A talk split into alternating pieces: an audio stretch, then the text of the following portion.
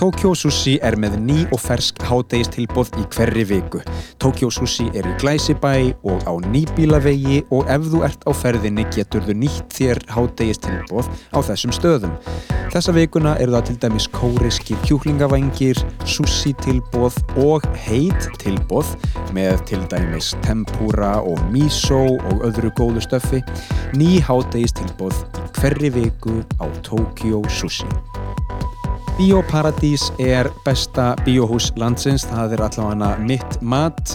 Um daginn sá ég frábæra mynd í Bíóparadís, Licorice Pizza eftir Paul Thomas Anderson. Hún er til dæmis synd klukkan 18.25 í kvöld ef þú ert að hlusta á þriðju degi 1. mars. Ég mæli með að skella sér í Bíóparadís til dæmis á Licorice Pizza eigi síðar en í kvöld.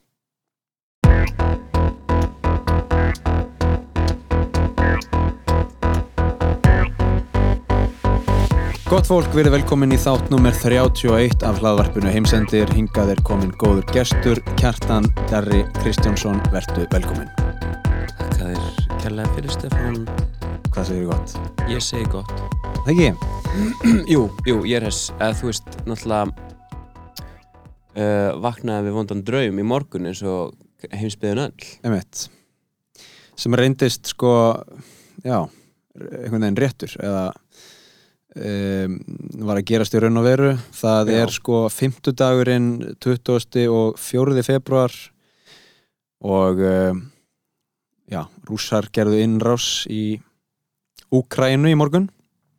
Já, um, sem er náttúrulega uh, ekki góða fréttir nei, og eru svaklega frettir, sko.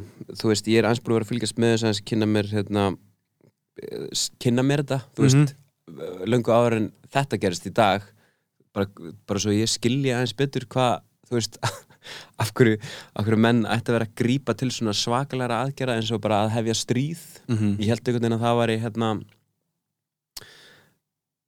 kannski er það bara einhver barnslæg óskykjaði mér að halda að stríð sé bara eitthvað þú veist, að deyja út en hérna já, það var ekki þannig í morgun og ég Nei. meiri að segja svo, svo labbaði ég út og nágrannar minn sem hefum fyrir neða mig hann er sagfræðingur og hann hérna, hann tók sér frí í vinnunni út í að hún var svo bröðið og þetta var svo stór dagur að honum Mm. fannst sko Þetta er það Ég meina við erum af þeirri kynnslóð að við einhvern veginn upplöðum ekki kalda stríð mhm og, og, og vissulega ekki stóru stríð stóru styrjaldir 20. aldar við höfum meila bara upplifað einhvern veginn friðartíma. Mm og Já, og við erum algjörlega svona oblivious fyrir, eða þú veist, ég tala fyrir sjálf mig, sko, þú veist, einhvern veginn svo, þetta er svo fjarri manni, Aha. þú veist, stríð. mm Og ég, ég man mér þess eftir því þegar ég fór í einhverja leikferð til Póllands, þá var ég í Szczecin í Pólandi og það var eitthvað svo einkennilegt andrúnsloft í þessari borg. Og ég fór aðeins að, bara upp á hótelherbyggi að kynna mér staðinn, hvar ég væri, stattur og hérna, þetta var sagt, með svona fyrstu uh, sko, bæjum sem að nasistar réðust inn í hérna, í, í setni heimströldinni og það einhvern veginn litaði þessa ferð alveg út í gegn þessi hérna, þessi uppgötun sko, að, að, þetta, að þarna væri kynnslóður sem að hefðu átt sko, móður, föður ömmur og afa og, og hérna, mörg skildmenni sem að hérna, upplýðu stríð og mjög ljótt stríð sko. Já uh, það er líka þú veist að því við erum Íslendingar og veginn erum á þessari eigu í norður Allandshafi en horfum svolítið til Evrópu og, og þú veist tölum um okkur sem Evrópu búa mm -hmm. European en samanborið við þú veist fólk frá já, norður mið eða austur Evrópu þá einhvern veginn er allt öðruvísi andrumsloft þar heldur en á Íslandi. Mm ég fór að hugsa um daginn sko var ekki réttar að kalla okkur sko Atlandshafsbúa einhvern veginn? Atlantics. Já, já, er ekki er, kannski er tími núna til að skilgrana sig upp á nýtt? Já. Nei, mér að veist ég, ég hef unni með hérna litháum í, í leikhúsi og, og og veist þau sögðu nú ekki eitthvað svona eitthvað já þið eruð ekki Evrópubúar skilur eða þú veist en það, maður fann að það var öðruvísi andrumsloft eða, eða svona mm öðruvísi bakgrunnur einhvern veginn. Já.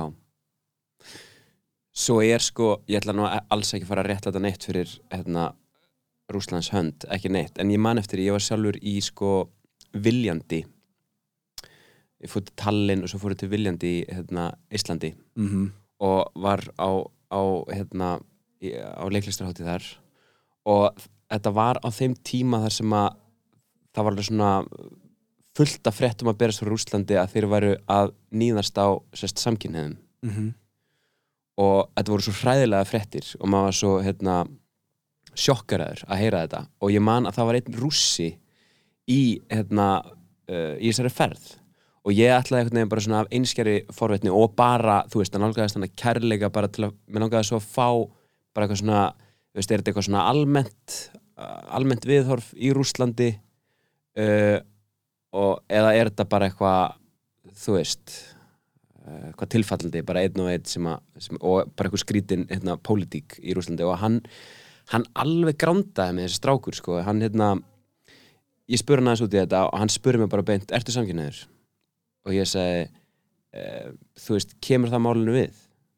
Um, nei, nei, svo sem ekki. Ég er bara, nei, nei en, þú veist, getur þú svara spurningunni, er, ertu það? og ég eitthvað, nei, ég er endar ekki samkynniður hann eitthvað, nei, ok, ok, skiptir ekki máli. Hérna þú verður náttúrulega bara áttið á því að Rússland er stærsta land í heimi. Og ég eitthvað, mhm. Þú veist, ég kom undir frá Íslandi sem er með minni löndum í heimi og, og hérna lítið samfélag þar sem að við erum öll skild og flestir þekkja einhvern veginn alla. Og hann sagði, þú veist það er ekki hægt að einhvern veginn það er ekki hægt að sko bóila Rússland niður í eitthvað eitt. Það er sko, þetta er svo stórt land að það er hérna, já, það er einhvern veginn ekki hægt að, að tala um Rússland og okkur eina pólitík og bara kenna einhverju einu um. Og eitthvað, við spjöllum alveg heilingi um þetta. Þetta var mjög klár strákur sko ég, hérna.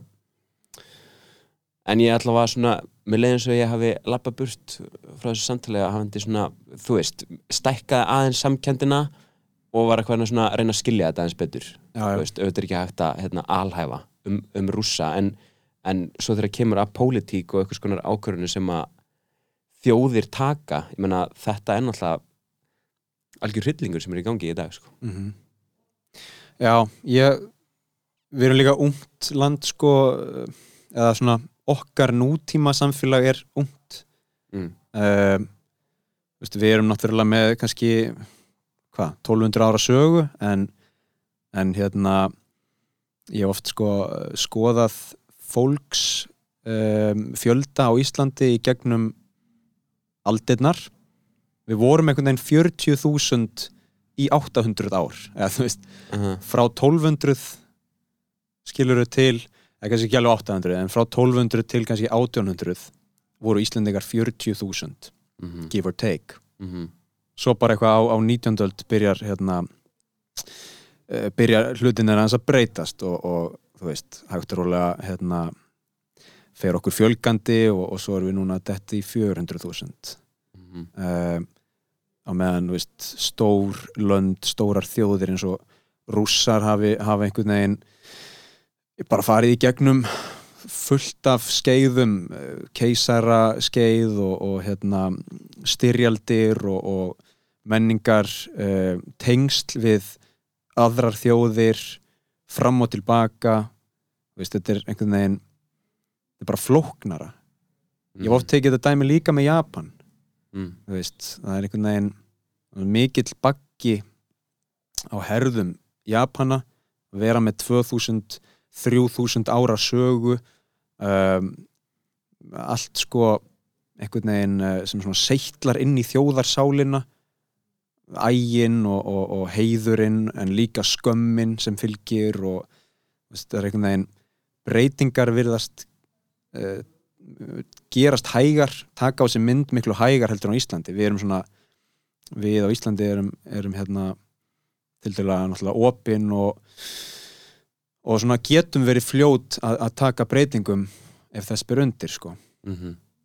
Þannig að hérna, þetta er náttúrulega bara algjörlega ólíkt en, en ég tek undir það sem þú segir þetta er, þetta er uh, ótækt ástand og, og um, það sagði nú einhver í morgun að, að hérna, ja, þetta væri bara svona veist, eitthvað sem gerðist síðast árið 1939 skilur þau ég meina það hefur ekki skriðdreki þú veist hérna farið yfir, farið yfir landamörk bara í, í, í eitthvað annar land bara einmitt síðan setni heimstöldin sko. Einmitt, á þessum skala sko. Já um, maður getur lítið sagt einhvern veginn, það er nú bara hannig sko. Já, ég, já einmitt. Ég, hérna, á, á, á Íslandi þessari litlu það var eitthvað, allavega ég líka ég veit ekkert, ég veit ekkert mikið um þetta þú Nei. veist, ég veit ekkert hvað hva, hvilar baki vantilega útrúlega mikla hagsmunir einhvern veginn og hérna ég veit ekki neitt. Nei, en ég vona það besta. Já já, maður var að gera það. Maður var að gera það sko. Herri, ok, við skulum taka hérna smá um, almennar spurningar. Hérna um þig. Sko. hey, Oh my God. go. hvar varstu fyrir tíu árum? Vá, uh, tíu árum, maður sjá, vó, vó, vó, tvítur, þú veist, uh, var ég ekki bara, var ég ekki bara í stúndalegusin eða eitthvað? já, getur verið Ég held það. 2012 Já, eða, eða, já, ég hef verið, já, ég hef verið í stúndalegusinu að bara fara inn í að sækja um, eða bara nýkomin inn í leiklistar námið. einmitt. Ég held það. já, Tíu ár Já, það eru tíu ár Vá, herru, vá, takk fyrir það Frábær fyrsta spurning Gera mig grein fyrir hvað tíminn liður Ok, já, já, Já. Ég meina, það var hérna að tala um heimsendi. Árið 2012 dagatal mæja og svona, varstu eitthvað að pæli því? nei. Nei. Ég hef um, lítið pælt í því sko. Ég meina, ég, ég, hef, ég hef ekki Ég hef ekki haft áhyggjur af heimsendi Allavega hvorki þá, nýja nú. Ok. Þannig að þú ert bara af því að þú ert bjart sinnismadur eða af því að þú uh, svona sækir ekki í þessar vangaveltur? Sko, þú veist, það fyrir eftir hvernig heims, heimsendi maður er að tala um, þú veist, hérna, um, já, kannski út af því að maður býr í einhverju svona, hérna, samfélagi sem að maður er með menta fólk og allir eru svona frekar klárir og, ekki, kannski ekki allir, en allavega, hérna, allir eru, allir eru frekar mentaðir og, og eins og siðmenta fólk og mér finnst bara svo langsótt að verða allavega heimsendir, þú veist, og ekki talandi um þetta stríð, ég menna, worst case scenario er hvað? Að, að, að rússar bara og bandaríkjumenn fari eitthvað kjarnorku stríð og einhvern veginn eðilegja plánundin okkar eða, þú veist, og er það ég, er, er það ekki langsótt? Meiri segja þú veist, ef að, meiri segja af hendi mjög vondra manna ég menna, er, það, er það eitthvað sem að hérna er að fara að gerast, ég held ekki sko. Nei, uh, það er náttúrulega að hafa mjög vondir menn gert mjög vondar hluti í gegnum aldinnar og, og hérna og sko það er stittra síðan að vondir menn gerðu vondar hluti á þessum skala uh, heldur en setni heimstyrjöldin, það náttúrulega hefur ímislegt gerst um, við svegurum heiminn. En meiri segja að þeir voru ekki að óska eftir heimsendi Nei, það er nákvæmlega bara eitthvað svona sem maður sá í byrju, var í hvaða teiknumyndu það? Það sem að eitthvað the end of the world eitthvað sem ætlaði alltaf eitthvað að hérna ná heimsenda fram. Er það ekki bara Dr. Evil í hérna, Austin jú, Powers? jú, einmitt. Hann ætlaði eitthvað neginn að já, flýja plánunduna og sprengja hann upp. One million dollars. Nei, ég held sko ég held að hérna besti vinnur okkar kapitalismin komi stundum að góðum nótum eða sko veist það, það meikar sjaldan er, fjárhagslegt sens að fara í eitthvað allserjar stríð nema þá um, nema þá þegar skiluru stríðið uh, hvað sem er, knýr efnahægin áfram eða framleiðsluna áfram eins og, eins og í stóru heimstyrjöldunum þú veist til dæmis Bandaríkin sem koma bara náttúrulega uh, út úr heimstyrjöldunum með hérna gríðalegt mannfall en, en verða einhvern veginn stærsta efnahagskerfi heims eftir heimstyrjaldinar taka við af Ev Evrópu. Mm. um, en á tímum kaldastriðsins þá held ég að þú veist, fólk hafa alveg pælt í þessu. Um, eigum við að fara í kjarnorku styrjöld hvað gerir það fyrir okkur veist, væri það gott fyrir okkar lönd? Nei, það væri mjög slæmt. Ok, eiga þá ekki reyna að komast hjá því? Og ég er svona vona að það hafi verið hugsuninn og, og svo náttúrulega líka bara út frá einhvers konar sið, siðferði og, og hérna mannúð leika ég held að allsherjar stríð sé aldrei þú veist góð lausn. Hvernig sem á það er litið Men en það hljóta, þú veist, þetta, er einhverju hagsmunir sem er í húfi hérna, þú veist, og, og hérna, það hljóta að verða til einhverjir peningar, þú veist, út frá þessu. Ég, ég, meiri segja bara eftir fréttinar í morgun, þú veist, hérna, það eru allir á tánum, þú veist, það eru allir að funda, það eru allir að rosalega mikið að, vi- að vinna þessa dagana. Meiri segja bara ríkistjórn Íslands er að funda, það eru allir rosalega mikið í vinnunni. Ég er ekki að segja að þau var náttúrulega bara þau ættu náttúrulega að vera að gera eitthvað annað, þú veist, bara eitthvað bútið betra samfélagi hérna á Íslandi en, en það, það fer ykkur, ykkur maskin í gang þegar eitthvað svona gerist og, og því miður held ég að þú veist það eru ykkur, það eru ykkur störf að, að búast til örgulega því miður í kjölfar þessa en hérna að mér finnst það bara eitthvað útrúlega skrítið sko. ég, ég er búin að vera að lesa eitthvað var, það, var eitthvað svona samanburur á, á hvað, hvað Rússland á svona þeirra artilleri eitthvað svona byssur og skriðdregar og, og hvað Rússland á margar kjarnorku flaugar eitthvað svona sprengjur bara að þú veist af hverju af hverju af hverju e- á ykkur þessar kjarnorkuflaugar eða þú veist ég bara ég, ég, ég átti mikið á þessu sko. Nei.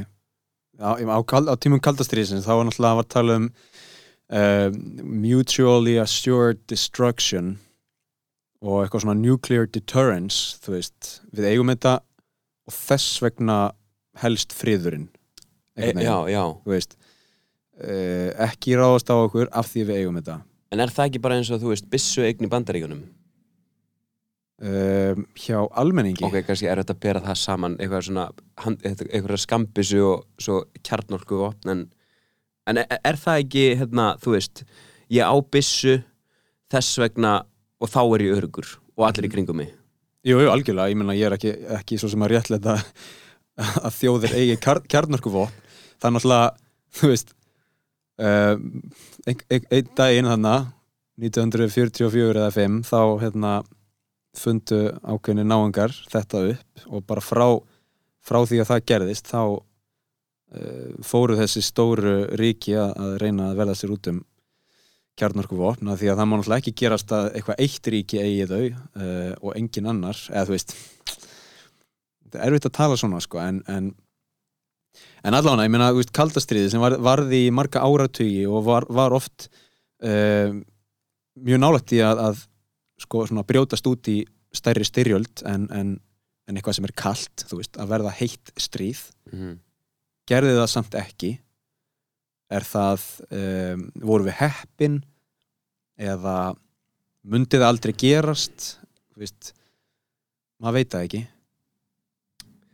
Nei, ég, ég veit það ekki sko. Ég einhvern veginn, hérna Ég held til dæmis að, að ég myndi ekki heyra það sem ég heyrði í morgun sko nei, nei. Ég, ég alvörunni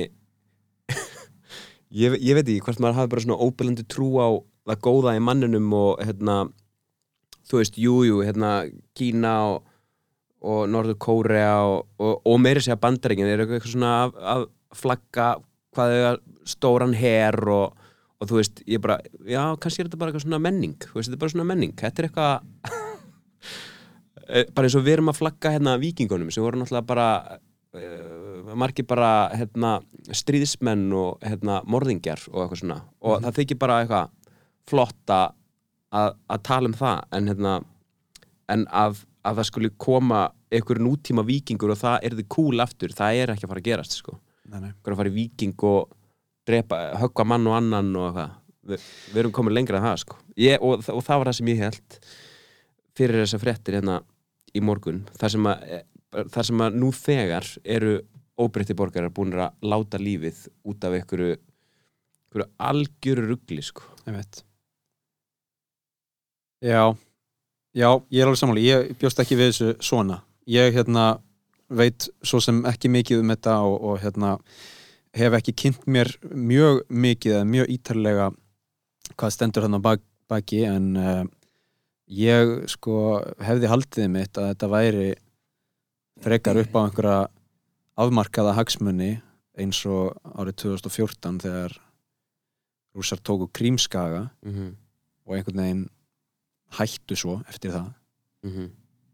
þannig að ég kannski veit ekki, gerði ráð fyrir að það er bú, búin til einhver landbrú skiluru uh, frá Krímskaga til Rússlands uh, suð, austur, hornið tekið Mhm. með þessu Donbass svæði og, og hérna restin er þið látin í friði en, en, en svo kemur hann á daginn og það er bara allsherjar innrás úr hérna, öllum áttum einhvern veginn Já, og þá, þá spyr maður sig, ok, hvað er þá end goal? Bara taka við landið og, og hætta þá og þá er bara allt búið og eða hvað? Já, ég veit ekki hver ég, ég, ég fatt ekki að pólisíuna sko af því að líka í, í hinulöndunum sem eru hérna í kringur Úsland menna, eins og í Íslandi Mm -hmm. 50% íbúa í Tallinn uh, höfuborginni eru hérna rússar. Mm -hmm. Þeir eru út um allt. Og svo veit maður ekkert hvort að það sé þeirra óska bara eitthvað Rússland taki yfir allt. Það er hérna það er um, það, er, það væri stórskritið Já, já, algjörlega. Um, eh, Til að stíga í, í hérna stígvél djöfulsins um, setja sig í spór djöfulsins Lucifers þú veist þetta er náttúrulega stríð, eða þetta er náttúrulega spurningum einhvers konar hugmyndafræði og, og, og mismunandi hugmyndafræði. Og við erum hluti af hinnum vestræna heimi og Úkraina er þannig einhvern veginn mitt á milli, veist, var hluti af Sovjetríkjanum og, og hefur frá 2014 verið að horfa um, já, ég held sé að fara með rétt mál frá 2014 verið að horfa kannski meira til vesturs til vest, hérna, vesturríkjana og vestur-Evrópu mm -hmm. með alþjóðlegt samstarf og svona. Eitthvað sem Putin er ekki hrifin af. Nei, um, og ég veit ekki skiluru ef við myndum snúa myndinni við hvernig, þú veist ef þetta væri skiluru um, öll okkar nágrannaríki einhvern veginn að, að færa sér nær Rússlandi skiluru, ef þetta væri öfugt. Mm og, og bandaríkin væru hérna og NATO væri ósátt við að uh, fleiri og fleiri lönd væru að einhvern veginn snúa sér til austurs. Um, en þá er þetta náttúrulega spurningum skiluru hvort þú sérst að færist átt að líðræði og kannski frjálslegra samfélagi annars vegar eða hvort þú sérst að fara í, í, í hinn áttina sko. Ég meina, er það ekki í grunninn það sem er undir enna? þess vegna eru náttúrulega kynverjar geta samsafn sig með Rússlandi og eru ofta svona að klappa baki á þeim, eru svona með þeim í liði. Samanber núna. Samanber núna, já. Uh, ég veit reyndar ekki það hefur ekki eh, komið ykkur, ykkur tilkynning.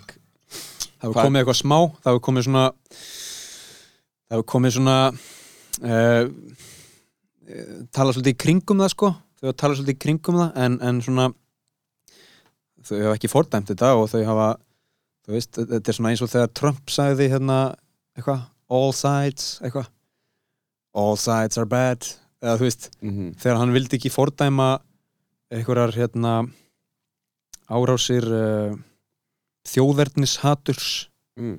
og, og uh, uh, var það ekki í hérna Charlottesville Mm.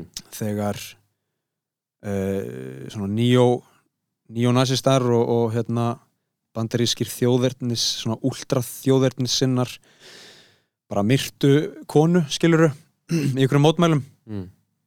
sagði Trump þá ekki eitthvað all sides are bad um, það er svona svipað þú veist, Kína held ég uh, er einhvern veginn ekki tilbúið að, að fordæma þetta og er, er svona meira að segja bara já, við vonum að hérna, þetta leysist nú bara en, en uh, við getum kannski hjálpað rússum eitthvað smá en, en við erum samt ekki alveg með þeim en við erum svona eitthvað aðeins að pæla. Mm -hmm. allt voða veik sko. Emmitt, en, en, en er, þú veist, í grunninn er það, það sem er í húfi er annarkvort þá líðræði eða einhvers konar stefna sem er þá í Rúslandi og í Kína það sem er einhver hvað? Hvað hva heitir þetta?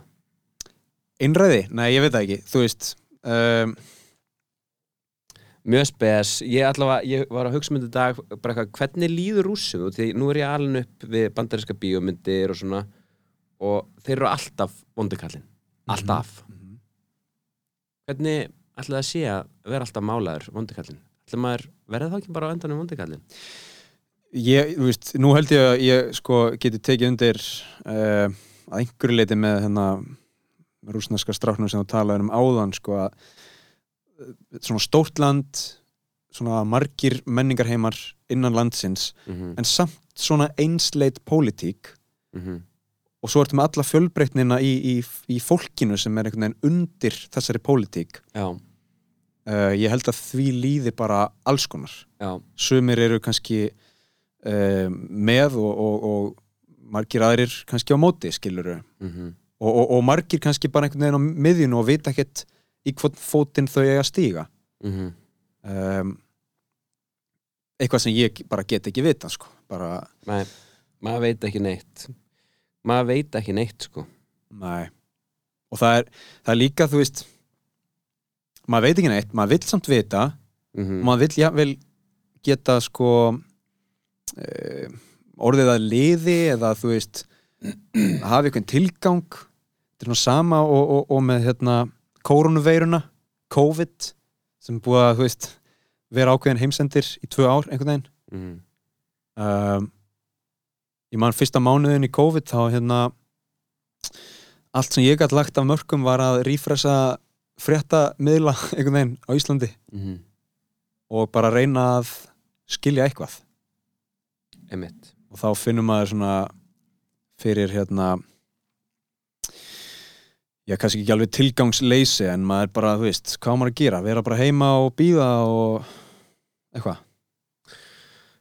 Emitt Herru, ég lendi stór skrýtnudóti í byrjun COVID. Já, svona uh, svona sidetrack ég var að hérna, ég var að horfa á sýningu sem var sínd í sjónvarpinu hérna, úr borgarleikusinu Blái nötturinn. Mm með, með bötunum mínum. Að- þetta var, þetta var í einhverju svona uh, næstu því lockdowni aðna í byrjun. Og ég fæ simringingu frá fréttablaðinu. Og ég spurður uh, já, Kjartan Dari mm, mm, já. Uh, sæl, ringja hérna frá fréttablaðinu? Viltu eitthvað tjáða um þetta mál hérna, sem að var að koma upp hérna á Facebook síðunni uh, gamli vesturbærin og ég bara, ha? Hvað, pásaði bláa nöttin og og eitthvað, herru, ég veit ekki alveg hvað það er að tala um og ég sagt, var ekki einu sinni inn í þessari grúpu, gamle vesturbærin en hérna, þetta er sérst grúpa með 13.000 manns. Þetta, hjú, þetta, þetta var á sínum tíma einn stærsta grúpa á Facebook-grúpa á Íslandi. Herru, þar er búið að taka mig og hérna, taka mynd af, af hérna, verkamanna hérna, bústöðunum hérna húsunum á Ringbraut Já. og það er búið að króta, spreyja þvert yfir eitt hús skúli skuldar pening. Þú veist, yfir allt húsið. Og, hérna, og þar er einn ónafgrendur hérna, strákur sem að segir þessi skemmdaverk hérna, uh, unn, hérna, vann hérna, Kjartan Dari Kristjánsson sem er leikari á þjóðleikusinu og ég er vissulega núna leikari á þjóðleikusinu en var það ekki þá sko. Og hann takk, út af því að við vorum greinilega ekki vinir á Facebook þá takkar hann sko þjóðleikusið mm. og hérna og ég fæ svona holskeplu af neikvæðum kommentum einhvern veginn svona í kringum mitt nafn sko undir í þessum þræði. Og ég er með frettamann frá hérna, frettablaðinu að ætla að gera eitthvað, eitthvað er eitthvað grenslæst um þetta mál og ég veit ekki neitt hvað er í gangi. Og, og ég eitthvað svona bara kem undir nafni bara já sæl félagi hérna uh, hér er maðurinn sem umræðir ég veit ekkert, ég bara kem alveg að fjöllum hérna ég, þú, þú ert að saka ranga mann. Og hann svarar bara uh, nei, ég er alveg viss hérna, ég er með myndaðir og, og vini minn var hjá mér þú hérna, hendir skít í, í útiðurina og ég bara ég, ég fekk, ég fór í svona algjört panikmót sko. Mhm. um, þetta, tók, þetta tók held ég heila tvo sólarhinga að, að hérna, komast að til botts í þessu máli og, og eftir, eftir þetta síndar frá fréttamanni þá byrjuðu vini mínir að ringi mig og voru bara, heyrðu, ertu búin að sjá þetta hérna á, á hérna á, á Vesturbæðargrúpunni ég bara, heldur betur maður. Þú veist, hva, hvað er í gangi? Ég hef búin að reyna að hafa samband við hennan strák sem að setja þetta inn og hann skellt alltaf á mig og ég, hérna, svo, svo ringir ykkur í mig sem að vara hérna, vinna vinna í uh, ónefndum grunnskóla Mm. uh, og, og segist kannast við þennan einstakling og, og segir að hann já, eigi eitthvað eitthvað erfitt og, og eitthvað, þetta var bara algjör eitthvað, algjör súpa sko. En hérna, þetta var fáránlega óþægilegt. Já, ég trúi því. Um, það var bara svona löst í hausin á mér styrum að tala um hérna byrjun COVID og, og hérna að vera vondikallin sem að ég var ekki í, í þessu tilfelli. Jesus. Já, um, en enn þann dag í dag sko, ég, það er ekki langt síðan ég fekk bara svona byrju, varst þú ekki eitthvað bendlaður við hana, varst þú eitthvað annað, og ég bara, er það að tala um þetta hana króta á að króta á eitthvað hús? Hann bara, já, já, nei nei, það var ekki ég, nei, mér fannst það eitthvað skrítið, sko. Ég bara eitthvað, og þetta var eitthvað svona líka þegar fake news var bara virkilegt vandamál Já, já. hérna, vestanhafs og bara vá hvað þetta er brútal að lenda í svona. Jesus maður. Já, Já, ég ekki trúi því. Þetta, hérna Þetta er örgulega svona bara mikil martröð einhvern veginn. Þetta var algjör martröð. Algjör, Hafið þurr einhver sko Hafið þurr einhver tól í þínu vopnabúri til að bara svona taka einhvern veginn djúpan andadrátt og bara Jæja, ok um, Hvernig ætla ég að takast á þetta? Já, já, já, já þú veist, algjörlega menna það sem ég hafiði var náttúrulega fyrst og fremst mína, mína hérna, einlægni og tel mig nú vera bara mjög friðsala mann og, og hérna vil ekki gera flugum megin sko. þannig að þegar ég bendlaði við eitthvað svona ég, það, það, það er alveg ræðilegt þannig að ég vil veginn bara koma bara algjörlega svona bara reynt fram og, og ég hafði beint samband við hérna, hennan strák og vildi leysa þetta mál. Og, og hérna en það dugði ekki til. Þú veist, það dugði ekki til. Og þá þurfti, þá þurfti ég að leita bara leita rétta míns, eða þú veist hvað hérna, hva get ég annað gert, hringdi í lögregluna og hún sagði að ég gæti í rauninni, þau getu ekkert ge- gert nema ég myndi kæra.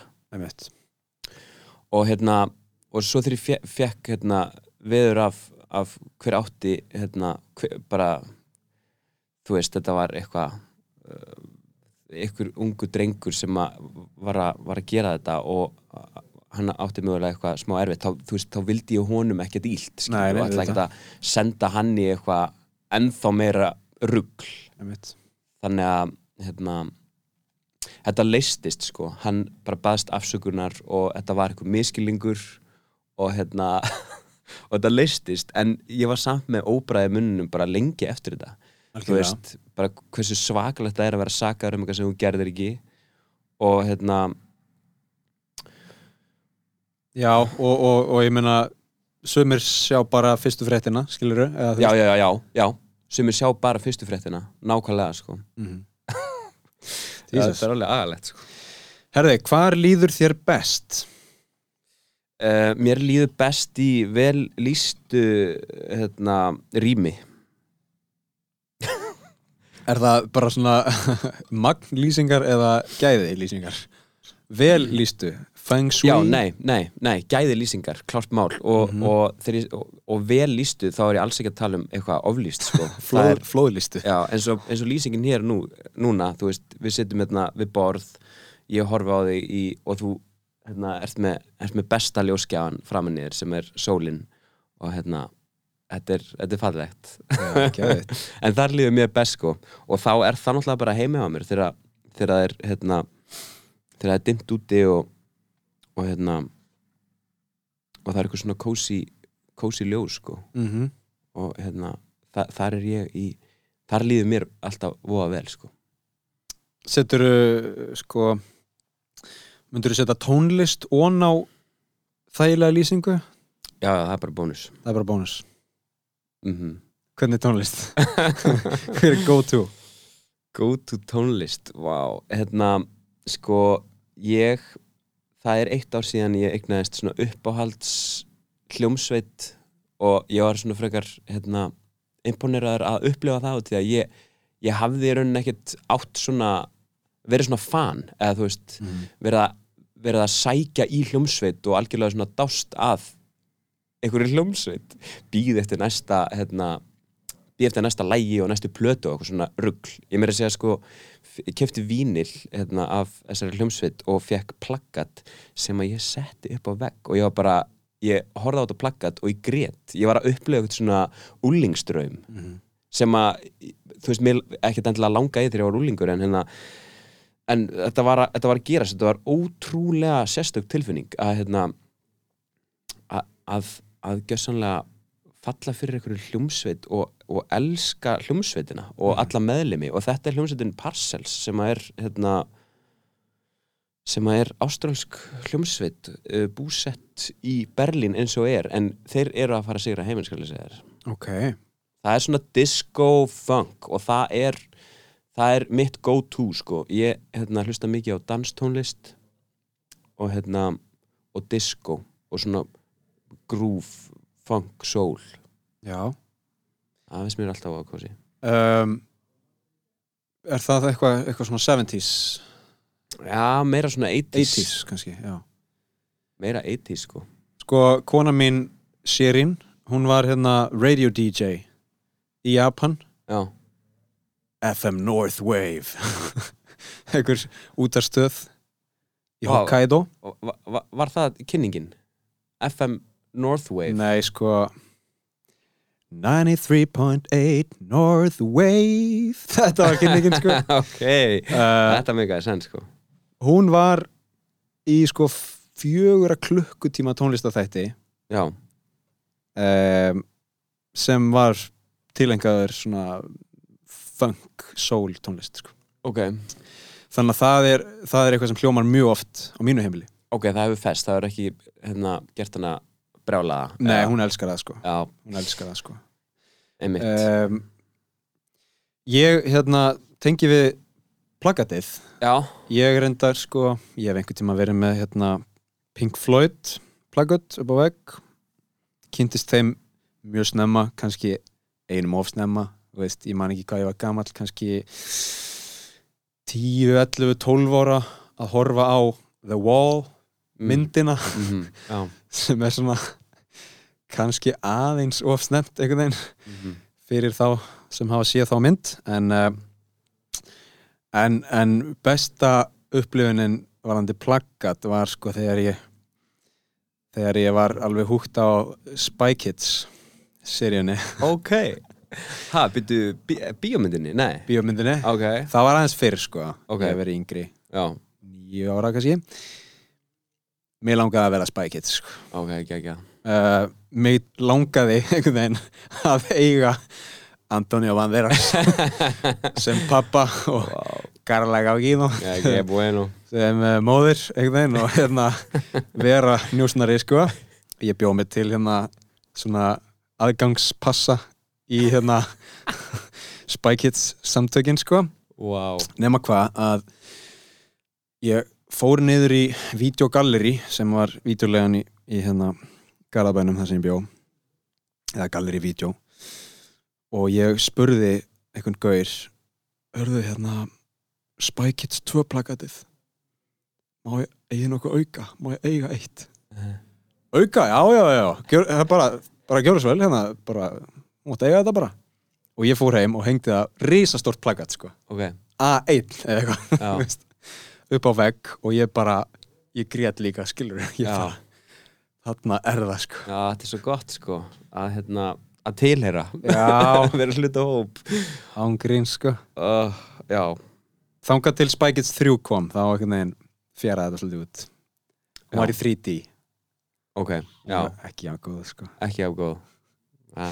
En hún var samt fyrsta 3D myndin sem ég man eftir sko, hún var sko þá varstu með svona pappagleru með einu rauðu og einu bláu. Hva, en voru þetta ekki, þetta voru einhverju krakkar sem voru í spæ, spæ fjölskyldu, svona spæjara fjölskyldu og yfirleitt voru krakkarnir að bjarga fóröldu sinu sem voru líka spæjarar eða? Já, og þau voru í svona samtökum og hérna uh, njósnara skóla. Mm Spy Kids samtökum og hérna svo var eitthvað vesen, þú veist, einhvers þar í heiminum og þá var sendt út uh, voru sendir út krakkarnir -hmm. til að bjarga málunum og þau voru með gadget svona einhvern veginn litlar þyrlur og, og hérna alls konar svona drastl uh, sem, sem þú gæst verið með einhvern veginn á höndunum og, og skotið út einhverju og mér fannst þetta mjög nett sko á þeim Mhm. tíma.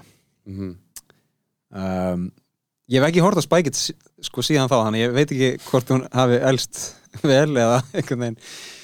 Í, í tvö held ég að hvort það var eitt eða tvö þá voru sko þá var hérna þá var svona vondikallinn með uh, hvað heitir það, henchmenn svona uh, sveina, hvað heitir það?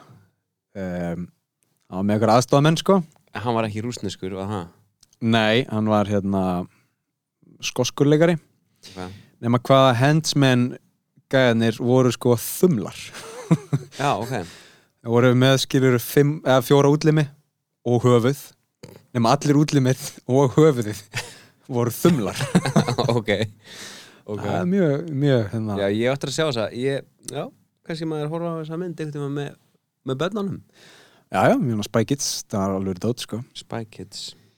Um, Sko, svona uh, það, sem við, það sem við lögðum upp með að tala um í dag var sko um, mannlegt eðli mm. viðbrögð fólks við uh, heimsenda og erfiðum aðstæðum Mhm. og um, hvort að fólk myndi hjálpa hvort öðru Mm um, í einhvers konar heimsenda sviðsmynd eða hvort að fólk snýst gegn hvort öðru sko það eru nokkrar sviðsmyndir sem, sem koma til greina í, í þessari um- umræðu og, og vissulega er hérna stríð ein af þeim. En ef við, ef við skoðum aðeins til dæmis uh, zombie apocalypse þú hefur gaman að því. Já, ég er sko uh, ég er forfallin sci-fi aðdándi Mhm. og svo hérna næsta stopp einhvern veginn það er oft svona apocalyptic myndir sem ég hef mjög gaman af og hérna uh, og, og þar er klálega zombie apocalypse þú veist, loftsteinar eitthvað, þú veist, jú, mér finnst strísmyndir svo sem alveg líka skemmtilegar en hérna já, einmitt ég, ég vildi, ég stakk upp á þessu hérna, umræðefni út því að mér finnst þetta þetta er alltaf eitthvað sem ég hérna, klukka mjög snemma í því sem ég er að horfa á sko. hvernig, þú veist hversu believable, hversu trúverut er hérna mannlegið þátturinn í myndinni. Um, ég meira að segja horfið á hérna, ok, já, við getum byrjað að tala um zombie apocalypse, varstu með eitthvað ref? uh, sko fyrsta myndin sem ég sá sem svona virkilega reyði við mér í þeim málum er hérna 28 dögum setna Já, já, geggjumynd geggjumynd uh, enn og aftur, ég hef mögulega verið aðeins og ungur en hún var rosaleg og hérna bara svo raunveruleg og rá einhvern veginn. Já. Emmitt Sko, það er alltaf hérna, það er alltaf svona stef í hérna, zombie hérna, myndum. Það er, það er sko, ég, ég horfði sko, jú, ég sé hérna, þessa mynd. Ég horfði líka einu svona á hérna, Walking Dead Já, sem voru svona zombie hérna, þáttarserja og ég, ég hætti að horfa í raunni út af þessu, þessu mannlega þætti sko. Þú veist, ég, ég meika þetta, ég var bara svo pyrrar þú veist, og því að það sem gerist er hérna þegar eitthvað svona herjar á mannkinnið, þú veist, í þessu tilfelli ekkur ykkur veira, hvernig sem þeir afsaka það nú hérna, að fólk hérna, breytist í uppvakninga og, og allir að geta okkur annan og, og allir verða veikir og brjálæðir og reypis út um allt og eitthvað hella dæmi. Þú veist þá er það alltaf hérna uh, þú veist, hvernig, hvernig bregstu við? Ert að fara ert að fara að finna aðra sem eru ok, einhvern veginn? Ert að fara að sapna liði af heilbriðu fólki, minnst það eðlilegt. Um, eða ert að fara einhvern veginn hérna einn þíns liðis eitthvað að, að reyna að lifa af og bara halda lífi? Þetta er alltaf eitthvað sem ég er að klukka og í sko Walking Dead þá, þá bar svolítið á því til að byrja með að fólk var svona að sapna liði, var svona að mynda hópa, allir voru að hugsa um þú veist, hvort annan og mér finnst það geggja, mér finnst eitthvað geggja að sjá þegar fólk er að hjálpa hvort öðru, mér finnst það meika bara svo mikið sens og þá enna, fæ ég svona, svona katharsis vibe að vera að horfa okkur bara já, auðvitað. Þú veist, ykkur er í hættu maður bjargar hérna, bjargar hérna, manneski sem er í voða eða, eða eitthvað. Maður er svona stick, stick, stick together. Einmitt. nema í Walking Dead þá kemur alltaf eitthvað svona eitthvað svona eh, eitthvað mikla epli. Það miklar eitthvað epli í tunnunni einhverja hagsmunir sem að hérna, einhver, og yfirleitt einhver einn eigðilegur fyrir hinnum og þá kemur sko vantröst innan hópsins. Og, og þá kemur svona mannlegt eðli sem að ég sem að er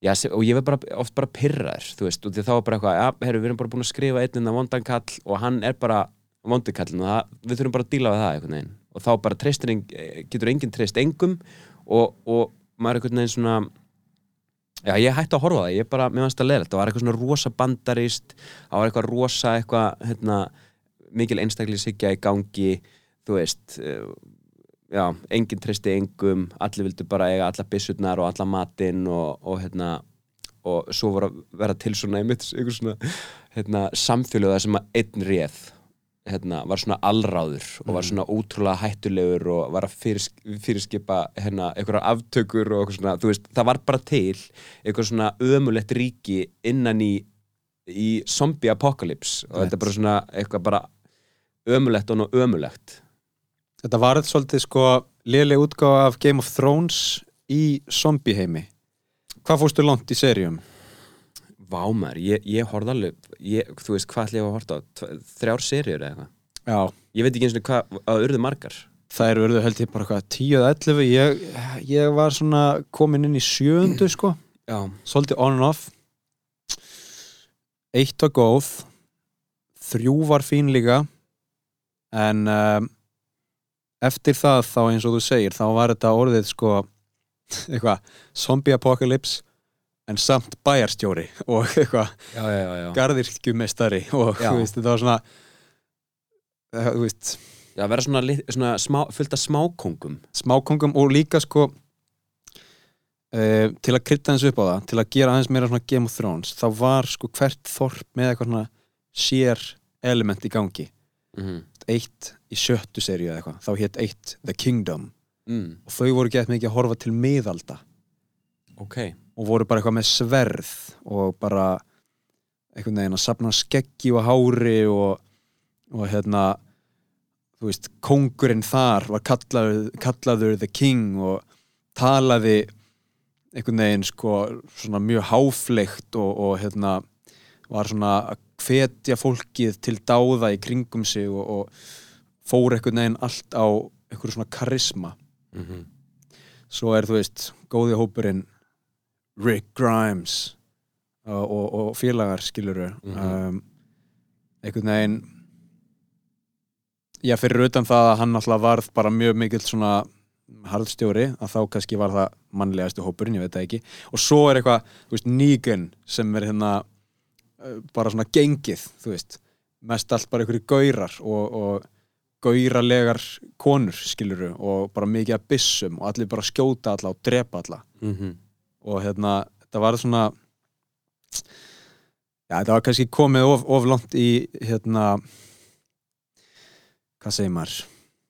Um, en þú veist það er verið að búa til eitthvað svona, eitthvað svona smádrama þú veist, Já. inn í einhverjum hópum þetta byrja svo stórt, þú veist, eins og þú segir fyrst að segja var geggju, þú veist, það, þá er maður bara eitthvað ok, það er zombie apocalypse etna, sti, everyone stick, stick together og það er geggjað það er svo geggjað og því að þú samsamaði með þá fólkinu sem eru ekki zombiar vantarlega uh, og hérna og ég nenni að horfa á það þangar til að þú veist, svo kannski koma einhverju þættir sem er ekki einu sinni verið að pæla í zombi hérna, þessum, þessum, þessum apokalips lengur, veist, það er bara eitthvað þú veist, það er bara búið búi að búa til eitthvað fangelsi þú veist, inn í einhverju borg þar sem að einhverju smákongar ráða þú veist, ég, leiðilegt, leiðilegt drama sko. Já, þetta var komið á langt sko Ég man uh, frægasta lægið í 28 dagar dögum setna er hérna ég ætla að þýða allt núna um, hún heitir sko á, á einu á einum hjartslætti mm. In a Heartbeat heitir lægið um, og það kemur út úr senu þar sem aðalgaurinn, svo heiti hann og einhver kona sem hann hitti Mm. voru búin að hlaupa undan uppvakningum voru komin hérna með einhvern þriðja sko um, þriðja uh, hérna gaur sem var með þeim og hann held ég að hafi verið bitinn og þau urðu að þú veist, kálunum eða eitthvað svona. Mm og hún spyr hann eitthvað ef ég erði bitinn getur þú drefið mig? -hmm. og hann eitthvað in a heartbeat. Mm Veistu, eitthvað svona. Já, einmitt og hérna þá kemur lagið skilur og, og hérna uh, ótrúlega gott lag, ótrúlega creepy og, og hérna en þa það, það var svo mikið þú veist þetta eitthvað, ok, við skulum bara við skulum bara vera saman í þessu og hjálpa hver öðru, en ef ég er bitinn þá bara drepur mig. Já, já, þá út af því að það er gott fyrir heildina, Já. þú veist og, og, hérna, og það er geggja þegar að vera að rannsaka mitt. Já, þetta hérna, eðli, einmitt sko. Ég horfði sko í vikunni aftur á myndina The Impossible. Mm. Kannastu við það? 2004, Sri Lanka. Já, Já. Tsunami. Tsunami. Flóðbylgja. Hún uh, hérna, einhvern veginn tekur á þessu mannlega eðli á stórfenglegan hátt. Já, sem er hérna, fjallaðum, ég held að þetta er byggt náttúrulega á á sönnum atbyrðum og er saga hérna, sönn saga fjölskyldu ég held hún sé spænsk, fjölskyldan Eh, þó hún sé leikin vissulega af eh, já. Evan McGregor Já. og hvað Naomi Watts jú, var það ekki Já, en þar koma svona, þú veist, þar verður þetta svo ótrúlega skýrt. Þar kemur einhver, að- einhver atbyrður sem að er sko algjörlega st- stærri en, þú veist, það, það höndlar þetta enginn. Það getur enginn einhvern veginn búið sér undir þetta. Það er allir óvið búnir uh, og, og við verðum svo ótrúlega einhvern veginn lítil gagvart uh, náttúruöflunum og þessi flóðbylgja bara kál, það dói sko 300.000 manns í þessari flóðbylgi þetta er bara, þetta er hræðilegt sko. En þessi mynd, hún, hún sýnir svo fallega eh, þetta mannlega eðli. En að eftirminnilega er annars vegar uh, sko eitt scenario sem kemur tvisar upp og þá er Evan McGregor að leita að fjölskyldinu sinni og hann sér mann með síma og spyr hvort hann með ekki ringja stutt, þú veist, þá myndi hann ringja uh, heim til sín í fóreldra sína og láta vita að hann sé á lífi og einhvern veginn að það sé verið eitthvað svona staðfesting ef að hinnir finnast og geta þá ringt á sama stað, etc.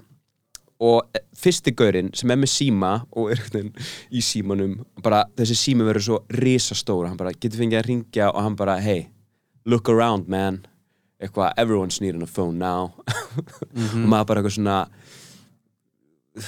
þú veist, anskotin en, en samt einhvern veginn út af því að þessar aðstæður eru svo svakalegar þá samt svona hefur maður líka skilning á þessu. Eða þú veist, ég allavega fekk ég var ekki mjög pyrrar út í gaurinn en, en svo, en að stuttu setna þá sér hann annan síma spyr hvort það megir ringja og hann segir bara, ég á útrúlega lítið batteri ég er að býja eftir símtali frá minni fjölskyldu en hei, gaur auðvita, Já, já, já. Auðvita, máttu ringja skilur og hérna ég mæl með þessa mynd, hún er frábær sko. Hún líka endar vel.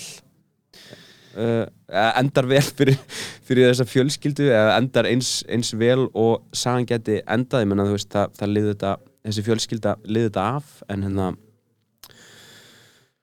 já, fallegt þegar maður sér svona hérna, fólk að hjálpast hjálpast að sko út af því að það er hellaður að lenda í svona uh, svona, svona aðstæðum sko. já, já.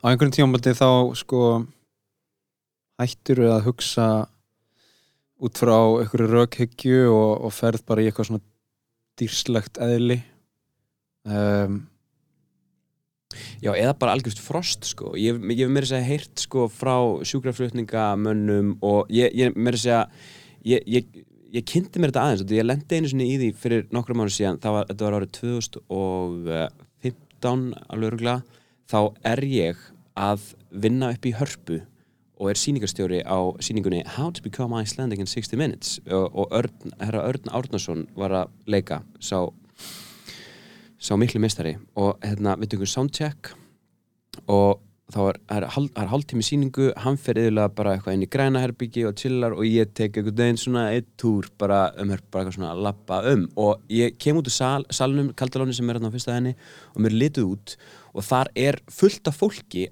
á bryggjunni og það er eitthvað svona panik ástand og ég svona lappa svona dálítið rösklega ég átt að hérna, starfsmanna engangnum sem er hérna bryggjum einn og ég spyr örgisverðina sem að sita hérna inn í örgisbúruna í hörpu og spyr bara hvað, hva, veistu hvað, hvað er í gangi? Uh, já, ég held að það hoppaði hoppaði einhver hundur í sjóin og ég alveg í- ok, já, svo fer ég út einhvern veginn finn alveg bara svona hjartað bara svona uh, hérna hraðast á hjartanu og ég, og ég kem út og bara, ok, það er eitthvað það eitthvað í gangi hérna og það standa allir og hérna og horfa á sagt, einhvern mann sem er að veiða upp hund með einhverju bandi það sem hann er búin að festa eitthvað björgunavesti við, eða, eða hvort það hafi verið svona ringur, svona, svona björgunarringur sem hann hefur bara fundið á bryggjunni og sagt, ég sá, það var svona pögghundur stór sem að var dáinn upp á bryggju sem þeir hefðu náða að hífa, hífa upp og svo var annar hundur undir bryggjunni sem var að ylfra bara og ég bara wow, bara hvað er í gangi?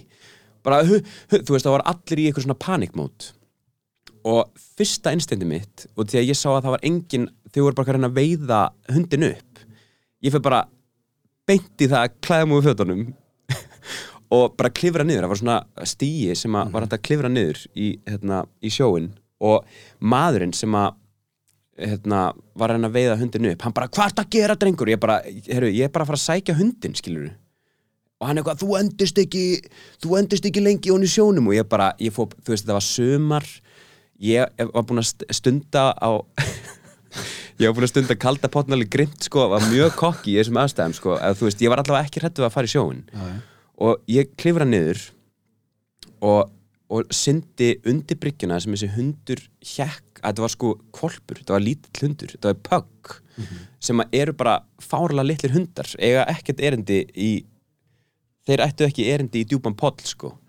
Og hérna, og ég syndi átt á honum og, og, og tek hann í fangið og þegar ég er að synda tilbaka og kemur lögreglumæður niður og bara vandaði hjálpunur, ef maður að hýfa þau upp? Og ég bara, nei, þú veist, nei. Er, ykkur, er, ekki- ykkur að hnóða lífi í hundin hérna uppi, þú veist, sem ég sá? Og hann bara, herru, ég, ég tjekka á því og ég, þú veist held á hundinum og klifra upp og, og rétti eigandunum og var bara á nærbusunum og rennandi blötur og löggan einhvern veginn svona hendi teppi yfir mig og ég sé að sagt, mam, mamma sagt, tíki, það var tíkdöð sem var móðir hérna, þessa hund sem ég bjargaði og ég hérna þú veist, er bara í, í einhverju massífu móti sko, bara mjög hérna, peppaður og var að bjarga hundi og eig, hérna, eigandinn sem ég fréttir undir að var ekki eigandi þetta var, var maður að passa þessa hunda fyrir einhverja aðra og var hann með held ég börn, dæturum sínum eða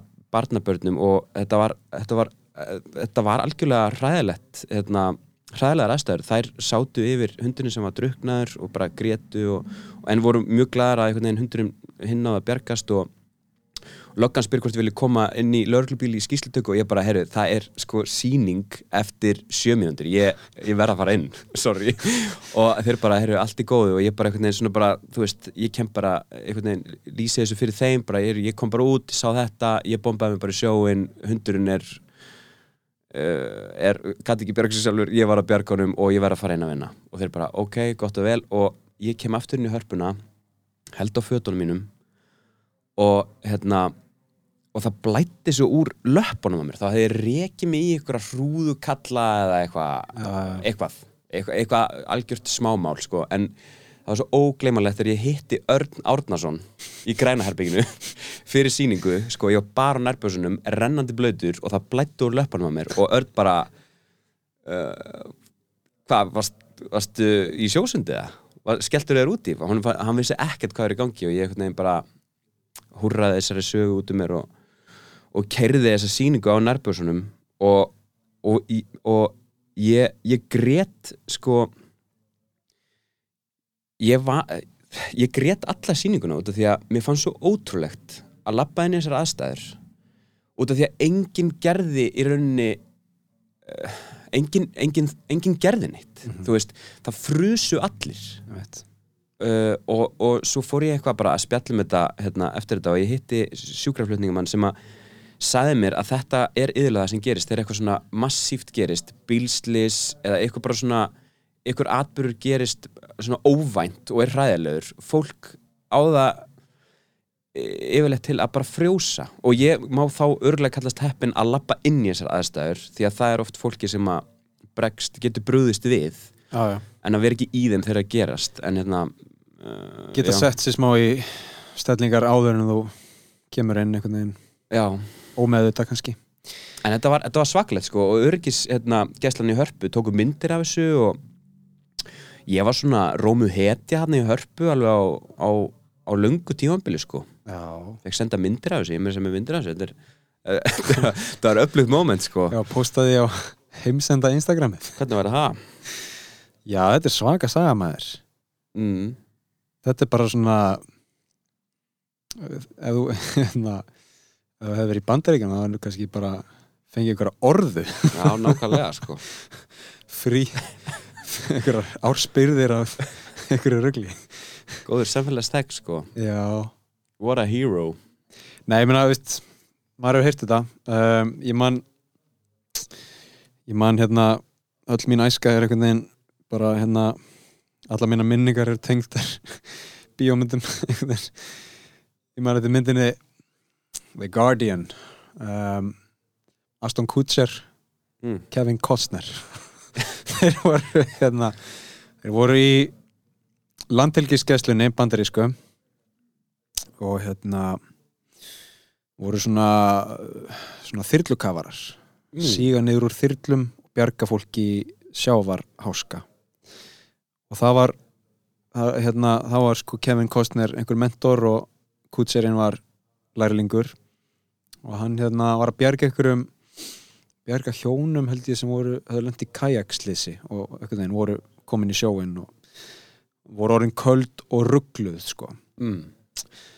og hérna hann er eitthvað að reyna að bjarga þeim og sko hvort að eiginmaðurinn um, þú veist notaði sko konuna sína sem einhvers konar þú veist stökkpall eða skiluru hann, hann, hann eiginlega drekti henni við það að reyna að ná já, til hans. Já, þú veist og, og, og hérna ef ég man það rétt, þú veist, þá hérna þurfti Kevin Costner að- skerast í leikinn og og bara, þú veist, reynda öskra á hann bara, hvað er þetta að gera maður? Ekki, þú veist, mm en hann var í svo miklu sjokki, hann var bara alveg hérna, bara algjör sjálfsbjarga viðletni í gangi. Já, algjörlega. Já, og þá hérna, einhvern veginn rótaði Kevin Costner hann.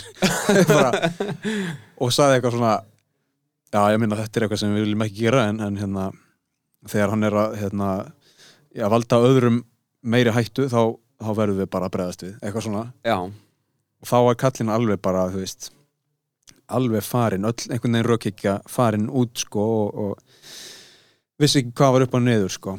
Mm um, þannig að það er þú veist, já, eins og segir frost um, og, og, og, ég dýmda mér sko að, að þú veist þessi, þessi gæi hafi bara ekkert munað eftir þessu mm. einhvern veginn, bara líka meinum bara er í einhverju ástandi sem bara ræður ekki um neitt sko. Er það að tala um gæjan í myndinni? Er að tala um gæjan sem hérna drekti næstum konunni sinni sko. Já, ymmit mm Já, Um, nei, ymmit, þetta er Þetta er mjög merkilegt sko. Hefur séð hérna þetta er allt tengt bíómyndum sko. Hérna Force Majeure. Nei. Gekki mynd, sænskur leikstjóri. Það er eitthvað svona sænsk hjón sem eru hérna í skíðaferðalagi í Sviss eða Austuríki eða eitthvað. Og eru svona út á einhverju ka kaffi, kaffihúsi. Mm og svo horfaðu upp í hlýðina og, og, og hérna kemur snjóflóð mm. og maður heyrir svona kli, klið um, um kaffihúsið og gestirnir standa upp og veitu, er þetta í lægi? Er ekki snjóflóð að koma hingað? Og pappin eitthvað í fjölskyldinu eitthvað svona þetta er allt í lægi, þetta er allt og, allt og langt í burtu Mm og nær aldrei hinga og þú veist, krakkarnir eitthvað jú, ég held að sé að koma hinga og, og hérna svo byrjar fólk eitthvað að ókýrast og, og allar að fara að hlaupa.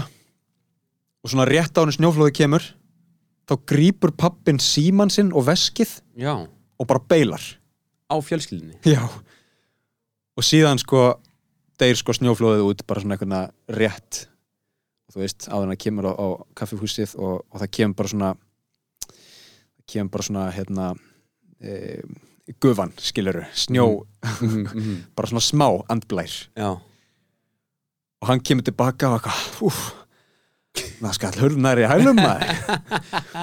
Og konan bara vá. Ertu ekki að grínast? Þetta er svakalegt. Og öll myndin snýst um sko, Að vinna úr þessu? Vinna úr þessu sko. Vá. Úf, hann, hann brást sínu hlutverki hérna heldur betur Öryggi fjölskyldunarinnar heldur betur. Úf um, Já, við hugsun daldið um resti á sjálfum okkur sko. Og það er oft leðilegt að sjá það. Það er alveg, það er, mér finnst Það er hérna leðilegt að sjá það. En menna, þetta er það sem við erum líka að upplifa í dag. Menna, kannski í þessu stríði menna, við, erum að, við erum smá að tala kannski nákvæmlega um þetta en þú veist já, ef við tala um fleiri myndir hérna, eitthvað svona alien myndir. Ertu með eitthvað annað? sko loftsteinar og gemverur ok, hérna When the Earth Stood Still. Ekki síðan að ok, ok. Hérna Keanu Reeves. Keanu Reeves. Hérna, það kemur ykkur það kemur ykkur hérna, ykkur svona kúla niður, allstaðar um heiminn svona á, á nokkrum stöðum. Hérna, og, og byrju, hvað heitir hérna almennisgarurinn í uh, New York? Central. Central Park. Þar er, þar er þessi kúla sko, alien kúla og, og, og svona an, annastef í hérna, sérstaklega bandarísu bíómyndun sem ég fæ, fæ alveg svona auðlarhóll af, þú veist, þeir senda náttúrulega bara herin, þú veist, það er bara trucks og, og skriðdregar og læti, sko, allir að miða byssum á eitthvað sem engin veit hvað er, þú veist, og þetta er svo þetta er svo lágkúrulegt mannlegt eðli og með þessa, með þessa hræðilegu hérna, uppfinningu í hönd sem byssan er. Á, ykk, á ykkur sögum er byssan kannski fín en meira hérna, draslið, en allavega þeir eru að miða á þessa kúlu og það er einhverju vísindamennana sem að fara fyrstir fram og, og, hafa, og er, eru þarna af allt öðrum ástæðum, þú veist, þeir eru bara forvitnir. Og hérna, það kemur einhver geimvera og eitthvað svona bara fallið geimvera og allir vísindamenn bara wow, wow, wow og hérna og svo hleypur hleypir ykkur af skoti óvart reyndar en í algjöru paniki, þú veist, það var bara eitthvað svona þá verið að öskra í talstöðar bara, no, hold your fire eitthvað bara, enginn að skjóta og bara, hvað er hún að gera? Hvað er hún að gera, er hún að skjóta? Og, og, eitthvað bara, no, hold, hold everyone hold. Og svo bara eitthvað panikar ykkur, verður ykkur bara skítrættur og skítur geimveruna. Bara bum og hérna, og fremsti vísindamæðurinn sem að þessi mynd fjalladaldið um svona hennar sög grípur geimveruna og bara ó nei, og maður, maður fær bara svona óh oh, hvað þetta er glatað. Við erum svo, oh, við erum svo við erum svo heimsk. Oh, þú veist. Og þá fer einhvern veginn allt í lás. Kúlan minni mig breytist í einhvern svona járnkall svona svartan kall sem að var ekki hægt sem að þeir byrja svo setna að sprengja og hérna gerist ekkert. Það rýfa engin vopn á, á, á þessa geimveru hennan geimkall. Og hérna, svo kemur í ljós að hérna, það á að sagt, geimverurnar eru vissulega komnar til þess að útrýma mannkinninu út af því að uh, geimverunum er andum plánunduna út af því að plánundan okkar uh, hérna, plánundan jörð er uh, ein af fáum plánundum sem að hýsir líf og er, er því verðmætt í hérna, alheimsamingi og þeir, þeir eru komnir til að til að eigða mannkyninu og hérna Keanu Reeves er sagt í liði með bandaríkunum í sko í mannlegu holdi sko.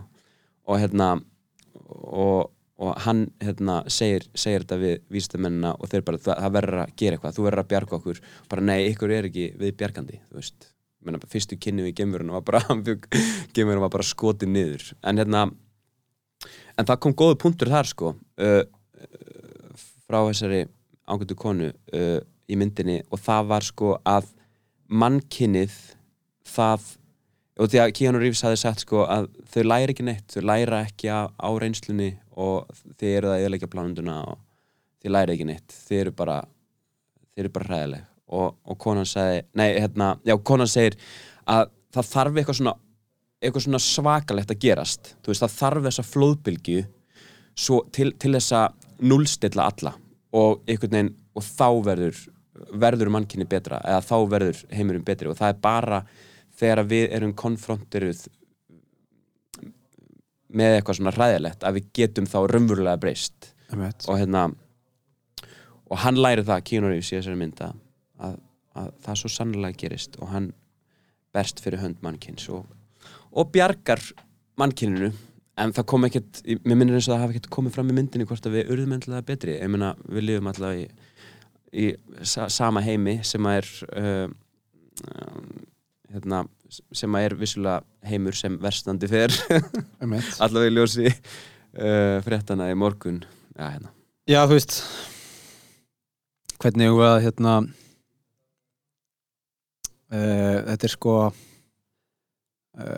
frestunar árátta heimsins er, er, er mikil. Um, kannski ekki alveg rétt að kalla það frestunar áráttu að því að það eru kannski svona hérna um, aðstæður sem er, er nöðsynlegt að bregðast við akkurat núna en, en það sem ég ávið er sko hvernig getur við tekist á við nattræna hlínun þegar við erum fyrst að takast á við kórnuveiru og síðan mögulegt stríð mm.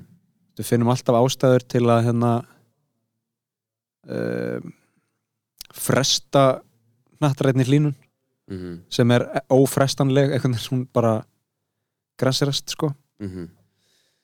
um, eitthvað svona já við getum nú ekki farið í sko nattræn hlínun þú ert að tala um nattræn hlínun það skiptir engum máli núna. Það eru kórunavera hérna. Já, þú getur bara, þú getur bara rætt um þess að nattræn hlínun þegar kórunaverin er farin.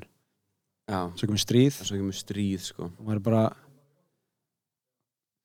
um, En mér varst eitthvað, það er eitthvað gott í þessu. Ég, ég hugsaði, ég var að reyna að sjá eitthvað gott í þessu. Þú veist, bensín verður að rjúka upp úr öllu valdi út af þessu ástandi. Já, og ég já, hugsaði bara, ok þú veist hérna, það er komin og, og, og þessar hérna, þvinganir sem við verðum að setja sem að mögulega hafa áhrif á alla það er einhvern veginn uh, og líka sem koronaviran hefur gert, það er einhvern veginn svona minna í bóði já, já, og mér finnst það allt í lægi algjörlega. Mér finnst það hérna, mér finnst það og það er kannski skrítið og ég veit að það eru margir ósamlega mér en hérna, ég var til að sjá stjórn, stjórnmálaflokk sem lofar bara, bara mi- minna af öllu. Það er bara minn, minni, minni bílar. Bara eitthvað svona minna af öllu. Uh, það er kannski doldið erfitt að hérna, aðlega segja því en ég held að við hefum bara gott að því sko. Já, ég meina við vorum að ræða kapitalism um, um daginn sko og það er alltaf erfitt að uh, telja auðvaldsinnum trú um það að um, uh, bremsur séu góðar sko mm um, en, en ég persónulega held að afturkvarf til aðeins einfaldara lífs væri mjög gott sko -hmm. og, og jafnvel eins og þú talar um eitthvað svona stór þáttur sem breytir öllu Mm -hmm. í einni andrá og við hverfum aftur til þú veist um, ég veit ekki tíma fyrir tækni þróunina mm. við hverfum aftur til tíma þar sem svona persónuleg teingsl og, og, og uh, nánd og sambönd Mm voru meiri og betri. Og samvinna. Og samvinna, þú veist, ég þegar ég hugsa um hérna uh, zombie apocalypse. Zombie apocalypse. Þá verð ég oft smá spendur sko. Þá hugsa ég stundum djöfell væri það nú gaman að prófa það. Ég sko Ég prófa hvað? Að Að- lifa í að- þeim að vera- eða- að flaffa zombia neða, að vera í 30 manna hópi, Ok, góðu fólki ok. út í náttúru mm sem þarf ek- og sko kannski ekki á Íslandi af því að Íslandi er erfitt land Já, en bara eitthvað, veist út í skógi í Svíþjóð sumir er að fella tré til að byggja einhvern kofa. Mhm. Sumir er að gera einhverja súpu yfir Mhm. bálkesti. Mhm. Sumir er að týna ber, eitthvað svona. Um, og ég eitthvað mér finnst nú gaman að smíða. Ég gæti kannski orðið bara svona smiður og farið að smíða hús fyrir fólk. Geggja. Og svo myndu svo myndi myndast smá svona þorp og það væri komið svona einhver svona miðja í þorpið einhver svona, eitthvað torg þorpstorg þar sem allir geta setið í ring á kvöldin og sagt sögur og Mm. eitthvað svona svo, svo stundum koma zombjar og þá þarf að taka stáðið það og svo stundum kannski deyr einhver og þá þarf að, að hérna um, gera svona fallega að töfn og, og hérna fylgja þeim hinnum látna einhvern veginn senda hann af stað í, í hinstu förina og, og til hinstu kvílu og veist, allt þetta rómantíska ljóðræna við fortíðina. Mhm. Uh, ég væri alveg til að prófa það sko. Já, ég meina, ok, en í þessu svo koma, svo koma bara fótgangandi fjórir alveg öruglag einhverju kallar, fjóri kallar með risabissur og eru sjúklega þú veist, þú finnur það á þeim að þeir, þeim er ekki treystandi en þeir eru geggja jolly og bara, hei, en að ok, ég er mat og ok, eru, meðum við ekki bara reysa hérna, lítinn kofa hérna hjá okkur? Menna, hvað, hva, hvernig bregstu við? það er nú málið sko. Það er nú málið. Ætla maður þá að standa og falla með einhverju prinsipi. Bara hérna það er ok, þeir eru bara mættir hér er matur, við erum velkomnir um, ef að þeir eru með vesinn og viljið drepa mig þá bara so be it ég ætla hann að bauða ykkur velkomna og, og gaf ykkur mat. Já, eða er það bara um, eitthvað sem, sem stendst ekki þegar á hólmenni komið? Mun maður þú veist, mun sjálfsbergar viðleitnin taka við. Emitt og auðvitað myndi það gerast skiluru Já, hugsa að það væri nú samt bara best að láta þú fá eitthvað svona skemmtilegt hlutverk og bjóða þetta aldrei vel velkomna sko. Já. þannig að maður svona ratar á þeirra samvisku. Já, já, Ég, hérna, einmitt tók eftir í að ég er að leika í hérna, þjóðlugusinu núna í Kardamömbænum og er að leika Jónatan sem er einn ræningjana og Torbjörn Egner sem skrifar söguna, hann er náttúrulega algjör sko hann er snillingur hvað þetta varðar sko að kenna uh, hérna, að vera með svona kathartik upplifum fyrir börn eða og foreldra sko. Þú veist, samanber Karius og Baktus þú veist, þetta er náttúrulega snildarverk sem kennir krökkum að tampusta sig og en í þessu kardamömbænum þá eru náttúrulega þessi ræningjar sem að eru svo mikil byrði á kardamömbænum og því að þeir eru alltaf að ræna. Og þú veist, það er ekki hægt að eiga neitt í friði þú veist, þeir ræna spórvagninum þeir eru alltaf að ræna pulsugjaramanum og bakarnum og þetta er bara endalaus pláa, endalaus. En svo endar leikritin náttúrulega þannig að þeir fá hlutverk í samfélaginu og verða betri menn. Og engin smá hlutverk, ég menna þú veist Kasper verður slökkulistjóri og Jesper verður sirkurstjóri og hérna Jónatan verður bakari Þannig að ég, ég held að sé, ég held að Torbjörn geti kent, kent okkur hvernig við ætlum að bregðast við þessum aðstæðum sko. ég meina það er máli hlutverk, tilgangur Já, tilgangsleysi og, og, og einhvern veginn að þú eigir ekki að, að þú finnir þig ekki neinstaðar mm það er það sem knýr áfram svona uh, skilur svona hund sem glefsar út frá sér þú veist. Mm um, viðbrögð sem eru ekki eh, ígrunduð skiluru, sem, sem byggjast ekki á neinu nema kannski hræðslu eða einhverju -hmm. ef að, ef að fólk hefur tilgang og tilgang innan einhvers kerfis, einhvers samfélags þá held ég að- að það gangi mun betur þetta er eitthvað sem á nú bara við um nútíman líka sko. Ætlaði að setja yfirfæra karnumabæin á núverandi ástand? Ætlaði að sé hægt að hætta að horfa á Putin sem ræningja og, og gefa honum eitthvað í staðin bara eitthvað, nei, ég, ég veit það ekki. Þa, en þarna kemur það líka út því að það er ekki bara einn vondumæður það eru, það fara allir í eitthvað svona, þú veist mér finnst ekkert meira spennandi það sem er mögulega að gerast í bandaríkjunum á okkur fundum núna, þú veist, það er bara ótti og algjör hérna þú veist, þeir komast ekki upp með þetta og þeim lang, drullu langar örgla í stríð, þó ég viti það ekki. En ég er svona óttast það. Bandaríkjunum? Já, þú veist, kannski ljótt að segja það en það, það, er, það er eitthvað svona tilfinning sem hræði mig.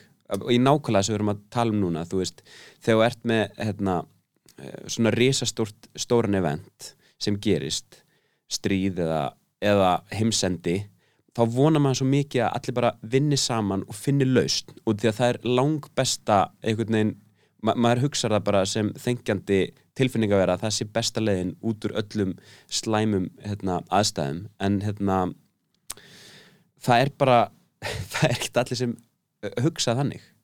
Nei. Ég sko, ég held að Bandaríkin sé náttúrulega í svolítið öðrum sporum verandi einhvern veginn hínum með með Allandshafið Já, satt. Og það hafa einhvern veginn alltaf verið það. Hvenær var síðast sko stríð uh, einhvern veginn á bandarískri grundu? Það er náttúrulega bara 9-11 eða ekki? Jó, kannski, kannski ekki stríð sko en, en reyðiverka árás en jú, vissulega, þú veist á bandarískri grundu. Já, um, ég held að þetta horfið svolítið öðruvísi við. Þar að segja eitthvað svona stríð þar sem þú getur bara beitt einhverjum efnahags þvingunum, sendt einhver vopn sendt jável einhvern herabla sem er samt ekki kannski að fara að berjast heldur er að fara bara að þjálfa mm og hérna um, átti einhvern veginn aldrei á hættu að, að hérna, móðurlandi þitt skilur móðurjörðin verði fyrir einhvernum sprengjum nema þú veist nema ef, ef þetta þróast í þá átt sko. Og svo ertu með Evrópu sem er svona gömul heimsálfa sko. Bara svona veist, mað, maður finnur svolítið bara svona í Evrópu bara ah, veist, hvað okkur, meg, okkur getum við ekki bara skilur nennum við plýsa að hætta skilur -hmm. bara eitthvað, við, við búin að vera að gera þetta í þú veist, 2000 ár hérna skilur Mm Já, þetta er svo þreytt sko. Það er svo þreytt sko. Öll dýrin í skoðunum með að vera vinir. Já, bara, þú veist, og við vorum búin að byggja upp kerfi og við bara, þetta gekk bara nokkuð vel í bara, hvað, 30 ár eða eitthvað. Mm. og svo bara, þú veist getum við, getum við ekki bara að fara að pæla hans í hnattarinn hlínun og, og hérna bara eitthvað svona þú veist, fordómum og eitthvað svona kannski tæknithróun, þú veist, hvernig getum við nota tæknina til góðus en ekki skriðdrekar, come on, sko mm. Já, en það þarf bara þessa flóðbylgju bara, og hún þarf að skella á öllum held ég því miður til að fólk átti sig raunverulega á þessu þannig að bara að öll fórættindi vera tekin af fólki mm -hmm. og hérna það er náttúrulega alveg hræðilegu spátumur en hérna ég held að sé eitthvað til í þessu sem kom fram í þessari mynd þarna uh, when, when the day the earth stood still Ég meina, ef maður, maður skoðar COP26 uh, hérna hnatt, uh, loftslags ráðstefnuna frá því fyrra mm. þá er ekki sko um, sama örvænting í fólki eins og var, var greinilega í þeirri mynd hljóðið í leiðtóngum heimsins er bara varandi hnattirann línun þar að segja. Er bara hérna já við vitum af þessu. Um, við, ætlum að, við ætlum að gera eitthvað í þessu. Uh, það mun taka smá tíma við, bara, við þurfum aðeins að sjá. Við setjum þetta í nefnd og hérna bara pingpongum þetta svolítið á milli og sjáum hvað kemur út úr því en, en, en það líkur nú ekki á það líkur samt á en þetta er eitthvað svona. Kannski hérna kannski þarf einn góðan loftstein til að bara svona Já, veist, ef varst ekki búin að sjá hana? Don't Look Shake. Up. Jú, Já, shake things up.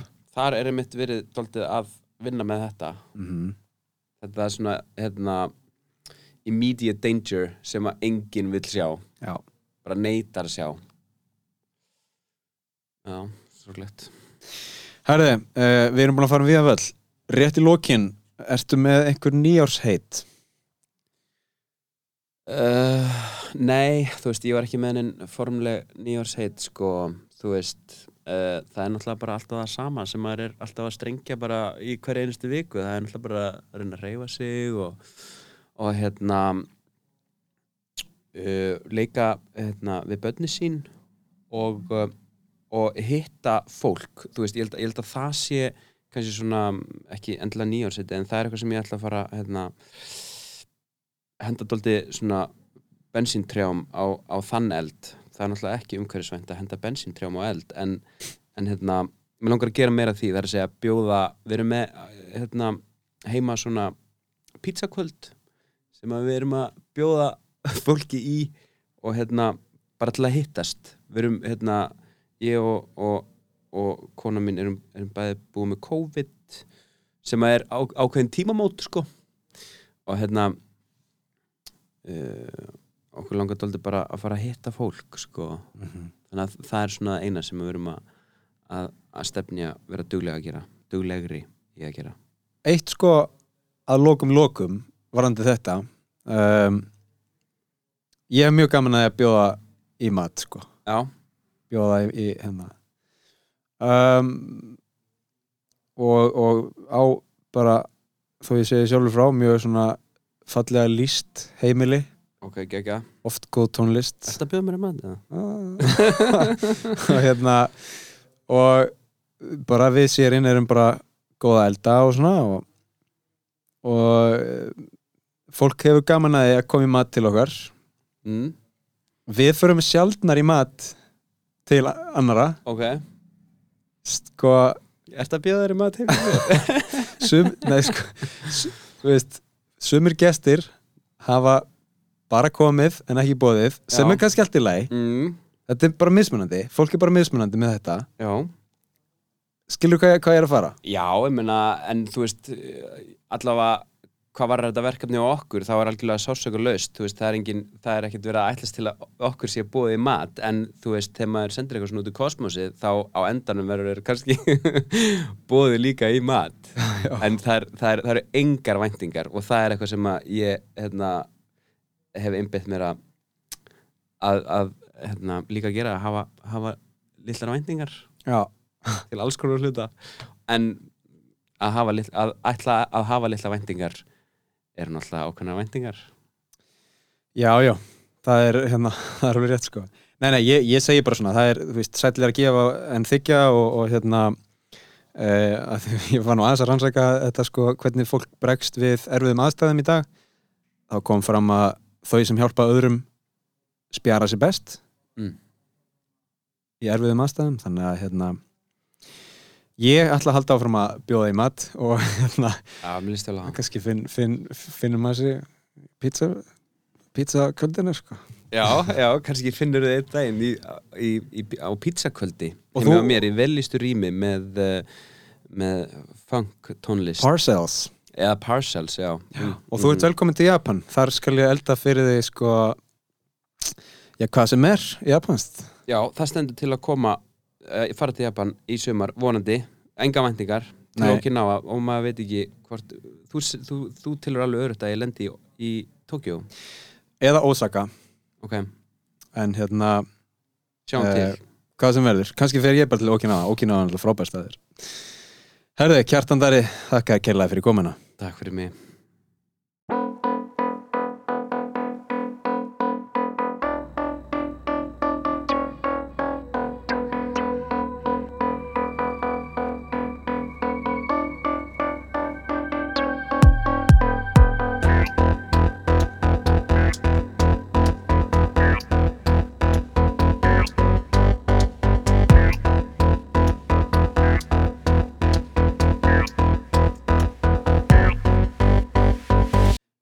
Gott fólk, takk fyrir að hlusta. Í dag er það einn greiði sem ég byð um. Hann er einfaldur, það er að segja einhverjum frá heimsendi. Uh, Það getur verið hver sem er vinur, fjölskyldumeðlimur eða bara einhver sem þú hittir á förnum vegi. Uh, Þú getur sagt heimsendir er frábært hlaðvarp sem ég hlusta á nokkru sunnum í mánuði, það kemur út í hverju viku, fjallar um alls konar, uh, flest allt tengt heimsendi, sumt ekki og er bara mjög skemmtilegt. Þetta getur þú sagt við einhvern og þá ert þú búin að gera mér þennan greiða og ég þakka þér fyrir það. Takk aftur fyrir að hlusta og við heyrumst í næsta þætti.